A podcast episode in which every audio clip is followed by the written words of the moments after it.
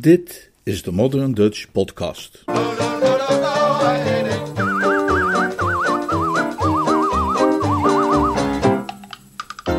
Alles goed met bingo.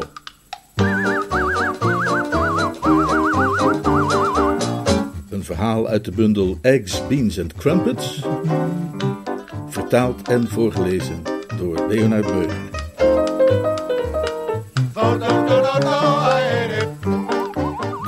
Het eerste van de twee delen.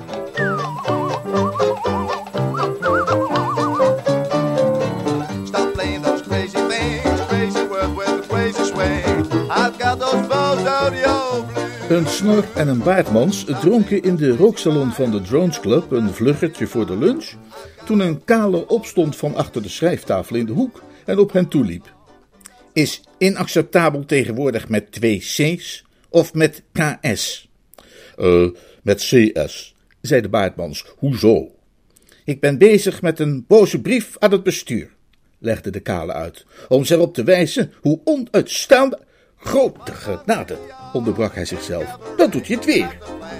Zijn gezicht vertrok krampachtig. Buiten op de gang was een jeugdige stem losgebarsten in een vrolijk lied met veel vo-do-dio-do erin. De snor spitste een aandachtig oor, terwijl het geluid verstierf in de richting van de eetzaal. Wie is die Twentse kneu? informeerde hij. "Eh, Bingo Little, de druiloor. Het doet niet anders dan zingen tegenwoordig. Daar gaat mijn boze brief aan het bestuur over. De onuitstaanbare kwelling van die eeuwige bonhomie van hem, dat joviale gedoe. Want het is niet alleen dat gezang, hij slaat ook iedereen voortdurend op de schouders. Gisteren nog, in de bar, besloop hij me van achteren en gaf me een vreselijke dreun in mijn nek onder het uitroepen van een triomfantelijk aha. Hm, ik had wel een gebroken wervel kunnen oplopen. Ah, en eh, hoeveel ellen in onophoudelijk? Eh, twee N's en twee L'en, zei de baard. "Eh, Bedankt, zei de kale. Hij liep terug naar de schrijftafel. De snor leek heel verbaasd. Dat is mal, zei hij, helemaal. Hoe verklaar je dat gedrag van vriend Bingo? Gewoon joie de vivre, zou ik zeggen. Wij, hij is getrouwd. Met een of andere romanschrijfster toch? Ja, dat klopt. Rosie M. Banks, de auteur van eh, Zij was maar een meid van de straat, eh, Mervyn Gretig Bon Vivant, eh, Het was op een dag in mei en meer van dat repertoire. Je ziet haar naam overal. Ik begrijp dat ze goud verdient met die pen van haar. Huh, ik wist niet dat getrouwde mannen ook joie de bezaten. Nou, de meeste ook niet natuurlijk, hè. Maar Bingo heeft het met zijn huwelijk uitzonderlijk getroffen. Hij en zijn wederhelft hebben het van meet af met elkaar kunnen vinden als een koppeltje tortelduiven. Maar ja, daarom hoeft hij toch nog niet iedereen een lam schouder te slaan. Ah, maar jij kent de achterliggende feiten niet. Eh, Bingo slaat niet zomaar, zonder reden, op schouders. Dat hij daar op dit moment zo actief in is, komt doordat hij nog maar pas geleden ternauwernood aan een ramp heeft weten te ontsnappen. Het had niet veel gescheeld of hij was thuis serieus in de problemen gekomen. Eh, maar je zegt net dat ze wel een stel turtelduifjes lijken. Jawel, maar zelfs bij turtelduifjes kunnen er situaties voorkomen waarbij de vrouwelijke turtelduif op haar strepen gaat staan en heel haar gewicht in de strijd gooit. Als Mrs. Bingo onze Bingo werkelijk had betrapt op wat op zeker moment onvermijdelijk leek dat ze hem op betrappen zou, dan zou ze de rest van hun hopelijk nog heel lange huwelijk daar geen dag over gezwegen hebben. Het is een schat van een meid, een van de geschiktste, maar een vrouw is een vrouw. En ik vrees dat ze zonder enige twijfel tot aan hun gouden huwelijksjubileum toespelingen zou zijn blijven maken op die kwestie. Bingo is van mening dat hij ontsnapt is aan een lot erger dan de dood. En ik ben geneigd het met hem eens te zijn. Hm, Het, begon allemaal op een ochtend toen Bingo zo tegen lunchtijd terugkeerde naar hun liefdesnestje na een wandelingetje met de Pekinees. Hij was in de hal aan het proberen een paraplu op de punt van zijn neus te laten balanceren, zoals hij vaker deed in verloren ogenblikken, toen Mrs. Bingo uit haar werkkamer tevoorschijn kwam met rimpels in haar voorhoofd en inktspetters op haar kin. Ah, ben je daar? zei ze. Bingo, ben jij wel eens in Monte Carlo geweest? Een lichte rilling liep Bingo over de rug. Zonder het te weten had ze daar een open zenuw aangeraakt. Wat hij altijd het allerliefst had willen doen in de wereld, was naar Monte Carlo te gaan. Want hij had een systeem ontwikkeld waarmee hij zonder twijfel de bank kon laten springen in het casino. Maar Zoals je waarschijnlijk wel weet, zijn er weinig plekken waar het voor een getrouwd man lastiger is om een uitstapje naar te maken dan juist Monte Carlo. Nee, zei hij met enige treurnis in zijn stem. Maar zijn gebruikelijke zonnige dispositie herwinnend, ging hij verder. Kijk, je moet het zo zien, mijn beste partner in lief en leed. Ik zet die paraplu zo neer, hè, en dan in volkomen evenwicht. Ik wil dat je daar nu meteen heen gaat, zei Mrs. Bingo. Bingo liet de paraplu vallen. Je zou hem met een ongekookte spaghetto hebben kunnen omduwen. Heel even, heeft hij me verteld, dacht hij dat hij in een plezierige droom was terechtgekomen. Het is voor mijn boek. Ik kan niet verder zonder wat overtuigende couleur lokaal. Bingo snapte haar bedoeling. Mrs. Bingo had het vaak met hem gehad over de kwestie van lokaal. Hij wist dat als je vandaag de dag prettig verteerbare fictie wilt produceren voor de grote massa, je de sfeer en achtergrond in je boeken wel helemaal goed moet hebben. Het lezerspubliek is kieskeurig geworden. De mensen weten te veel. Hanteer wat te veel dichtelijke vrijheid in de mise en scène en voor je toedeloe kunt zeggen, maak je een blunder en beginnen ze je vervelende brieven te schrijven die beginnen met: Beste mevrouw, is het u bekend dat. Uh, zelf kan ik niet gaan. Uh, vrijdag is het diner van de Pen Ink Club en dinsdag die lunch van de Schrijversbond met Mrs. Carey Melrose Bob, de Amerikaanse romanschrijfster. En elk moment ben ik toe aan die passage waarin Lord Peter Shipbone de bank laat springen. Dus, denk je dat jij misschien voor me zou kunnen gaan, Bingo, lieverd? Bingo begon te begrijpen hoe de Israëlieten zich moeten hebben gevoeld toen midden in de woestijn dat manna uit de hemel begon te vallen. Uh, maar natuurlijk ga ik daarheen voor je, snoepje, zei hij hartelijk. Alles wat ik voor jou. Zijn stem stierf weg. Een plotselinge gedachte had hem overvallen en verdierf hem de ziel als een scheut zoutzuur. Het was hem te binnen geschoten dat hij geen rode duit bezat. Zijn laatste stuiver had hij twee weken daarvoor verloren aan Bounding Beauty, een paard dat in de race van half drie op Haddock Park had gelopen, nou, als je dat tenminste nog lopen kon noemen. Het probleem met vriend Bingo is dat hij zijn nuchter oordeel nogal eens laat beïnvloeden door dromen en voortekenen. Eh, niemand had beter geweten dan hij dat Bounding Beauty naar het oordeel van kenners geen schijn van kans had. Maar in de nacht voor de race had hij een nachtmerrie gehad waarin hij zijn oom Wilberforce naakt de Roomba had zien dansen op de stoep van de National Liberal Club. En onnozele hals die hij was, had hij dat beschouwd als waardevolle informatie regelrecht uit de stallen. En rats, zoals dat heet, daar ging de laatste cent die hij had in de wereld. Heel even duizelde het hem, maar hij knapte al snel weer op. Hij ging ervan uit dat Rosie toch wel niet van hem zou verwachten dat hij zo'n inspannende klus als de verre vermoeiende reis naar Monte Carlo zou gaan verrichten, zonder dat zij die expeditie ruimhartig zou financieren.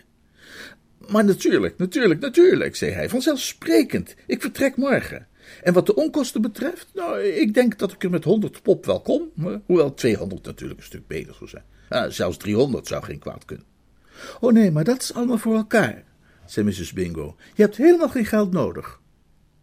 Bingo slikte moeizaam, als een struisvogel die een koperen deurknop niet goed wegkrijgt. Uh, geen, geen, geen geld nodig? Nou ja, twee of drie pond voor fooien en dergelijke. Het is verder allemaal geregeld. Hè? Dora Spurgeon is in Cannes. Ik zal haar opbellen dat ze een kamer voor jou moet reserveren bij het Hotel de Paris in uh, Monte Carlo. En dat alle rekeningen rechtstreeks naar mijn bank moeten worden gestuurd. Bingo moest nog een paar keer slikken voordat het hem lukte zijn helft van de dialoog verder over de lippen te krijgen. Uh, uh, maar ik neem aan, zei hij zachtjes, dat je wilt dat ik aanpap met internationale spionnen en geheimzinnige gesluierde vrouwen enzovoort, om hun gewoonte zorgvuldig waar te kunnen nemen, toch? En dat gaat in de papieren lopen, hoor. Je weet hoe internationale spionnen zijn, dat is champagne voor en champagne na, en geen halve flesjes ook. Nou, over spionnen hoef je je niet druk te maken, die verzin ik wel. Alles wat ik nodig heb is couleur lokaal. Een precieze beschrijving van de speelzalen en het beroemde plein voor het casino en dat soort dingen. Bovendien, als jij veel geld bij je had, zou je maar in de verleiding komen om te gaan gokken. Wat? riep Bingo uit. Gokken? Ik? Nee, nee, zei Mrs. Bingo berouwvol. Uh, daar doe ik je uiteraard onrecht mee. Maar ik denk dat we het toch maar beter zo kunnen doen als ik heb gepland. Zo stonden de zaken dus, en je zult niet verbaasd zijn te horen dat onze brave Bingo niet bijzonder genoot van zijn lunch.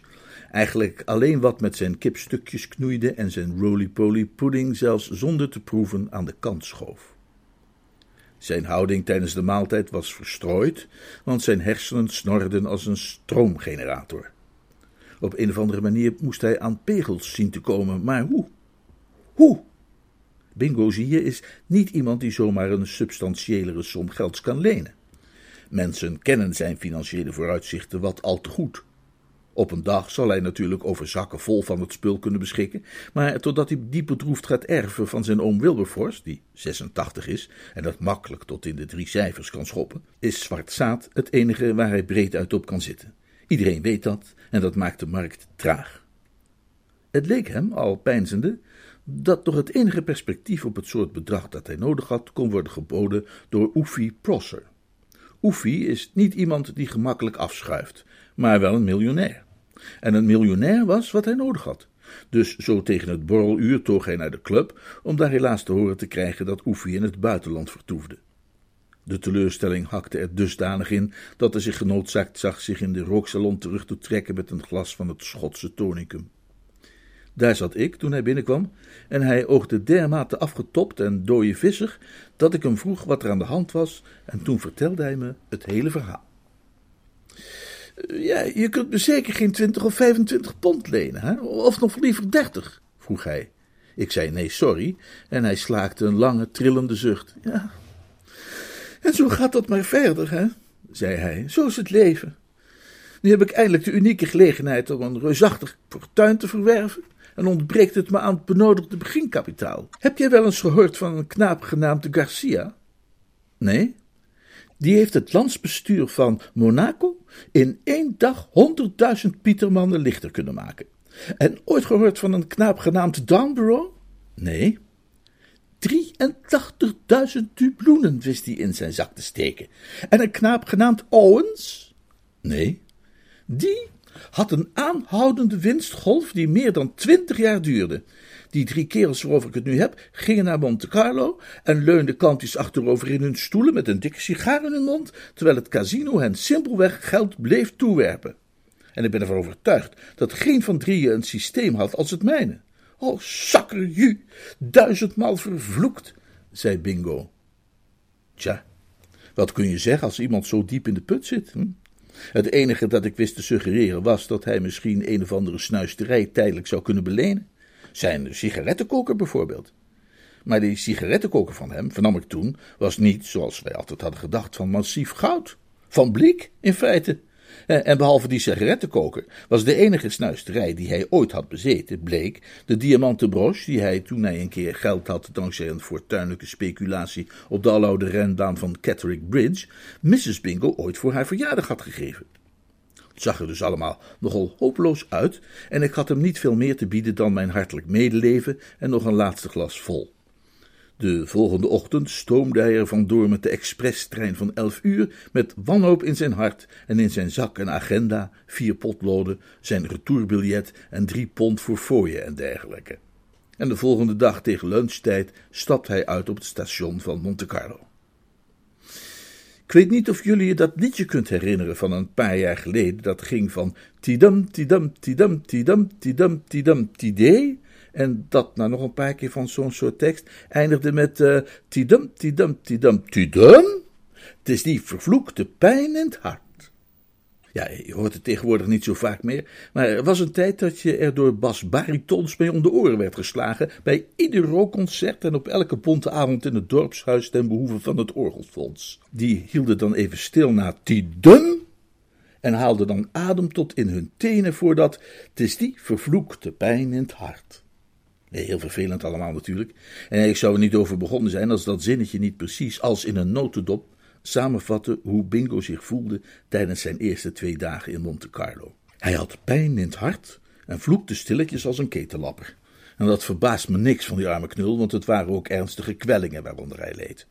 Ook al wreef hij daardoor alleen maar zout in de wonden, hij dwaalde de hele dag door de speelzalen om zijn systeem droog, op papier bedoel ik, uit te proberen. En hoe langer hij het uitprobeerde, hoe duidelijker het zich betoonde als een waterdicht systeem, een roestvrijstalen methode waarmee je eenvoudig niet kon verliezen. De tweede avond voor het slapen gaan berekende hij dat als hij met fiches van 100 francs had gespeeld, hij nu niet minder dan 250 pond in de plus had gestaan. Zomaar. Kortom, al dat geld lag daar voor hem klaar om op te rapen, zeg maar, en hij kon er niet aankomen. Garcia had er aan kunnen komen. Darborough had het zo in zijn zak kunnen steken. Owens, precies hetzelfde, maar hij niet. En alleen maar, let wel, omdat het hem ontbrak aan een mini-mini beetje beginkapitaal, dat een kerel als Oefie Prosser hem had kunnen toestoppen zonder er een centje pijn van te hebben. Heel bitter. Maar toen hij op de derde ochtend tijdens het ontbijt de krant doorbladerde, viel zijn oog op een berichtje, waardoor hij met een schok rechtop ging zitten op zijn stoel en zich in zijn koffie verslikte. Onder de recent gearriveerde gasten van het Hôtel Magnifique in Nice stond daar te lezen waren hunne doorluchtige hoogheden de prins en prinses van Graustark, zijn majesteit de voormalige koning van Ruritanië, Lord Percy Poffin, de gravin van Goffin, generaal-majoor Sir Everard Slurk, KVO, en Mr. Prosser. Tja, het zou natuurlijk ook een ander merk Prosser kunnen betreffen, maar Bingo dacht van niet. Een hotel waar doorluchtige hoogheden te vinden waren, was precies de plek waar zo'n verduivelde snop als Oefie Prosser op afkomt als een bij op de honing. Hij repte zich naar de telefoon en zocht verbinding met iemand aan de balie. Hallo, ja? zei iemand aan de balie. Dit is een Hôtel Magnifique. Met de receptie spreekt u? Uh, uh, Dites-moi, zei Bingo, est-ce que uh, vous avez dans votre hôtel un monsieur nommé Prosser? Ja, meneer, dat is juist. Er verblijft een Mr. Prosser in dit hotel. Est-il un, un oiseau avec beaucoup de... Oh, verdorie, wat is het Franse woord voor puistjes? Het woord waar u naar zoekt is uh, bouton, zei de baliemedewerker. En ja, uh, meneer, Mr. Prosser is uh, rijkelijk voorzien van puistjes. Verbind me in dat geval door met zijn kamer, zei Bingo. En al snel hoorde hij een slaperige en welbekende stem hallo zeggen. ha, Oefie, beste kerel, riep hij uit. Bingo Little hier. Oh mijn god, zei Oefie. En iets in zijn toon zei Bingo dat hij er verstandig aan zou doen voorzichtig en naar der slangen wijze verder te gaan. Er waren, wist hij, twee dingen die Oefie Prosser een lastig doelwit maakten voor wie een lening zocht. In de eerste plaats had hij, dankzij zijn gewoonte om stevig in te nemen op late feestjes, bijna altijd last van een dyspeptische hoofdpijn. En in de tweede plaats had zijn positie als de officiële rijke stinkert onder de leden van de Drones Club ervoor gezorgd dat hij schuw en wantrouwend was geworden als een fazant waar al te vaak op geschoten is. Zo iemand kun je niet s'morgens om tien uur telefonisch om een leningje vragen. Niet succesvol in elk geval. Het zou, realiseerde Bingo zich, daartoe noodzakelijk zijn Oefie wat op te vrijen. Uh, ik zag zojuist in de krant dat, dat jij in deze contrée was aangeland, Oefie, beste kerel. Hè? Wat een geweldige verrassing was dat, zeg. Goh, zei ik tegen mezelf. Jan Tory, zei ik. Nou, nou, nou.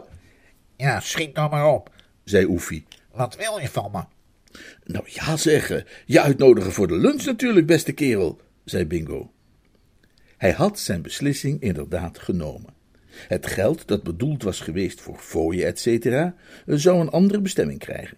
Het zou ertoe kunnen leiden dat hij aan het eind van zijn bezoek met een rood gezicht en gloeiende oren het hotel uit zou moeten glippen, maar dat risico moest helaas worden genomen. Aan het andere eind van de lijn hoorde hij iemand, zo leek het, half verstikt naar adem snakken. Er moet hier iets mis zijn met de verbinding, zei Oefie. Het klonk net alsof je zei dat je mij een lunch wilde aanbieden. Dat deed ik ook. Jij aan mij. Precies. Uh, dat jij dus betaalt. Inderdaad. Het bleef even stil. Dat moet ik melden aan Ripley, zei Oefie. Ripley? De man van de geloof het of niet rubriek. Oh, die, zei Bingo. Hij wist niet of hij Oefie's houding nu wel zo leuk vond, maar hij bleef er zonnig bij. Maar, maar goed, waar en wanneer? Hoe laat en, en welk restaurant? Oh, we kunnen wel gewoon hier lunchen, maar kom wel een beetje vroeg, want ik ga vanmiddag naar de paarden rennen. Prima, zei Bingo. Ik sta om één uur precies bij je op de mat. En om één uur precies stond hij daar ook, met heel zijn aardsbezit in zijn zak. Onderweg daarheen in de bus van Nice naar Monte Carlo, vertelt hij me, uh, waren zijn gevoelens gemengd. Het ene ogenblik hoopte hij dat Oefie zijn gebruikelijke dyspeptische hoofdpijn zou hebben, want dat zou zijn, uh, Oefie's uh, eetlust binnen de perken houden, zodat hij, uh, Bingo, misschien nog iets uit het wrak zou kunnen redden. En op het andere moment bedacht hij dat een Oefie met doffe, bonkende pijnen achter de slapen waarschijnlijk minder snel over de brug zou komen. Het was heel ingewikkeld allemaal. Oefie's eetlust bleek evenwel allerminst ingeperkt. Integendeel. De buitengewone situatie waarin hij zich bevond, als gast en niet als gastheer van een mede-droneslid, leek zijn eetlust juist te hebben opgevoerd. Het is niet te veel gezegd wanneer ik beweer dat hij van meet af aan bunkerde als een uitgehongerde python. De losse, achteloze wijze waarop hij tegen de ober sprak over kasdruiven en asperges deed Bingo verkillen tot in het merg. En toen hij, ongetwijfeld uit de macht en gewoonte, om de wijnkaart vroeg en een mooie droge champagne bestelde, begon het er volgens Bingo naar uit te zien dat de rekening voor deze braspartij sterk zou gaan lijken op zo'n verzoek dat president Roosevelt het congres placht voor te leggen ten behoeve van de Amerikaanse landbouwsector. Hoewel hij een keer of wat, met name toen Oefie losging op de kaviaar, zijn vuisten stevig moest dichtknijpen en zijn ijzeren zelfbeheersing tot het uiterste moest benutten, vond hij al met al toch geen reden om te klagen. Elk ogenblik dat het feestmaal langer duurde, kon hij waarnemen hoe zijn gast milder en ontspannender werd. Het leek niet meer dan een kwestie van tijd, eer de melk der menselijkheid uit hem tevoorschijn zou golven alsof er een dambreuk had plaatsgevonden. Met het gevoel dat een sigaar en een glaasje likeur het verlangde laatste druppeltje zouden kunnen betekenen, bestelde Bingo die. Oefie maakte de onderste drie knoopjes van zijn vest los en leunde achterover op zijn stoel. Nou, zei Oefie stralend, dat is beslist iets om later aan mijn kleinkinderen te vertellen. Dat ik geluncht heb met een lid van de Drones Club, bedoel ik, zonder met de rekening te blijven zitten. Luister, Bingo, ik zou graag iets voor je terug willen doen. Bingo voelde zich een beetje als een groot acteur wiens Klaus heeft geklonken. Hij leunde voorover om Oefie nog eens vuur te geven en veegde meteen een stofje van zijn mouw. En wat ik terug wil doen, is dit. Ik geef je een tip voor de rennen van hedenmiddag. Carbonkel in de race voor de Prisonnier Sauvant. Een gegarandeerde winnaar. Nou, uh, dankjewel, Oefie, beste kerel, zei Bingo. Geweldig nieuws. En als je me tien flappen wilt lenen, Oefie, beste kerel, dan zal ik die ook meteen inzetten. Ja, waarom zou ik jou nou tien flappen moeten lenen? Nou, omdat als ik deze lunch betaald heb, Oefie, hè, brave makker, ik geen cent meer over heb. Jij hebt ook helemaal geen geld nodig, zei Oefie en Bingo vroeg zich af hoeveel mensen diezelfde verdomde opmerking nog meer tegen hem zouden gaan maken. Mijn Londense boekmaker is hier. Hè? Die zal jou wel krediet geven, aangezien jij een vriend van mij bent. Ja, maar vind je het niet vervelend, hè, met een hoop extra administratie op de zadel, Oefie, beste knul? vroeg Bingo, terwijl hij nog een tweede stofje van Oefie's mouw veerde. Het is toch veel makkelijker als je me gewoon tien pegels leent? Ja, even zonder gekheid, zei Oefie. Denk dat ik nog maar een glaasje kumel neem. Op dat moment, juist toen de conversatie op een doodpunt scheen te zijn gekomen en er geen hoop meer leek op een gunstige schikking, verscheen er een forse en mabelogende kerel aan hun tafeltje. Uit het feit dat Oefie en hij meteen over kansen en bedragen begonnen te praten, leidde Binko af dat dit de Londense boekmaker moest zijn. En mijn vriend Mr. Little, ronde Oefie zijn gesprekje met de man af, wil graag tien flappen inzetten op carbonkel in de Prisonnier Sauvant. Bingo wilde juist zijn hoofd gaan schudden en zeggen dat zijn vrouw het niet fijn vond als zij gokte, toen het glorieuze zonlicht van de Riviera, dat door het raam waarbij ze zaten naar binnen stroomde, Oefie's gezicht opeens helder bescheen en hij kon zien dat het één massa puistjes was. Direct daarna viel het hem op dat de boekie een reusachtige pukkel op zijn neus had en de ober, die net de rekening bracht, een voorhoofd had vol bulten. Er liep een rilling door hem heen. Dat soort dingen wist hij, wordt ons gezonden met een bedoeling, als, als, als een teken. Uh, uh, correct, zei hij, uh, tien pop op carbonkel. Vervolgens gingen ze samen naar de renbaan. De Prix Honoré Sauvant was de race van drie uur. Een paard dat Lilium heette won. Carrie werd tweede. Maubourget derde, Ironside vierde, Irresistible vijfde, Zoetelief zesde en Carbonkel zevende. Er waren zeven deelnemers. Nu was Bingo dus 10 pond schuldig aan die boekmaker en zonder de geringste kans op een goede afloop, tenzij die kerel bereid was de betaling enigszins op de lange baan te schuiven. Bingo nam de boekie even apart en stelde een dergelijke regeling voor. Maar natuurlijk, reageerde de boekmaker. Hij legde zijn hand op Bingo's schouder en kneep er even zachtjes in. Ik mag jou wel, Mr. Little, zei hij. Oh, echt? zei Bingo, legde zijn hand op die van de boekie en kneep daar weer even in. Meent u dat nou? Jazeker, zei de boekmaker. Je doet mijn denken om mijn zoontje Percy, die helaas is verscheiden in het jaar dat Woesterszoons de jubileum hindernisrace won. Longproblemen. Dus, als je me nou vraagt om nog even geduld te hebben met je betaling, dan zeg ik, tuurlijk, tuurlijk heb ik nog even geduld. Laten we zeggen, tot aanstaande vrijdag. Bingo trok enigszins bleek weg. De uitstelperiode die hij in gedachten had gehad, kwam meer in de buurt van 1 à anderhalf jaar. Eh, tja, ik, ik, ik, hoop dat ik het eh, tegen die tijd zal kunnen ophoesten, maar eh, ja, u weet hoe het is. U moet niet altijd teleurgesteld zijn als met, met die wereldwijde geldtekorten tegenwoordig en dergelijke. Het zijn allemaal omstandigheden waar ik geen zeggenschap over heb. Oh, je vreest niet aan je verplichtingen te kunnen voldoen. Ik, ik heb daar mijn twijfel over. De boekie kneep de lippen op elkaar. Nou, daar hoop ik toch maar van wel, zei hij. En ik zou je zeggen waarom. Het is natuurlijk heel nozel om bijgelovig te zijn, dat weet ik.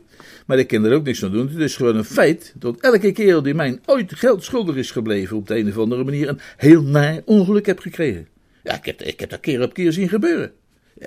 Echt waar? stamelde Bingo, die ademhalingsproblemen begon te vertonen, net als wijlen de kleine Percy. Ja, echt waar, zei de boekie, keer op keer. Of wat lot ermee speelde, hè? Pas nog was er een keer met zijn rode snor, Wodderspoen heette die. Daar kreeg ik nog 50 pop van, maar daar ging hij moeilijk over doen. Hè? Hij haalde de wet op de kant spelen erbij en zo. Hè? En verdomd als het is, nog geen week later vonden ze hem bewusteloos ergens langs de straat leggen. Er moet hem iets uh, echt ellendigs overkomen zijn. Zes hechtingen had hij nodig. Zes? Nou, nee, zeven. Die ene boven zijn linkeroog was ik even vergeten. Ja, nou ja, dat zet je toch wel aan het denken, hè, dat, dat soort dingen. Hé, uh, hey, uh, Herbert, riep hij. Een krachtpatser met een bloemkoolhoofd dook op uit het niets, alsof hij een djinn was en de boekie een lamp had opgevreven. Herbert, zei de boekie, dit hier is Mr. Little. Bekijk hem maar even goed. Denk je dat je hem kunt herkennen? Herbert nam Bingo zorgvuldig op. De blik uit zijn ogen was koud en grijs als die van een papegaai. Jep, zei hij, jep, die vergeet ik niet. Mooi, zei de boekie. Dat is alles, Herbert. Dus wat de geld betreft, Mr. Little, daar maken wij dan vrijdag van. Ja? Zonder markeren, ja? Wonkelend maakte Bingo dat hij wegkwam en ging op zoek naar Oefie. Oefie, beste kerel, zei hij, jij hebt het in je macht een mensenleven te redden. Ja, dat kan best zijn, maar dat ga ik niet doen, zei Oefie, die nu wel degelijk een van zijn dyspeptische hoofdpijnaanvallen had. Hoe minder mensenlevens er gered worden, hoe beter ik het vind. Ik gruw van het mensenras. Als het hele mensenras de Niagara-watervallen zou willen overvaren in een houten ton, dan vond ik het helemaal uitstekend. Maar als ik aanstaande vrijdag geen tien pond kan ophoesten, gaat er een, gruwelijke engert die Urbert heet mij helemaal in elkaar slaan. Mooi zo, zei Oefie, enigszins opklarend. Geweldig, magnifiek, heel goed. Daarop nam Bingo de bus terug naar Monte Carlo.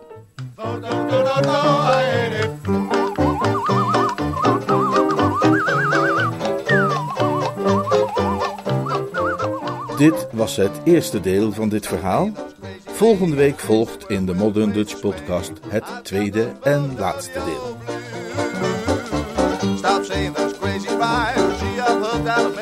Stop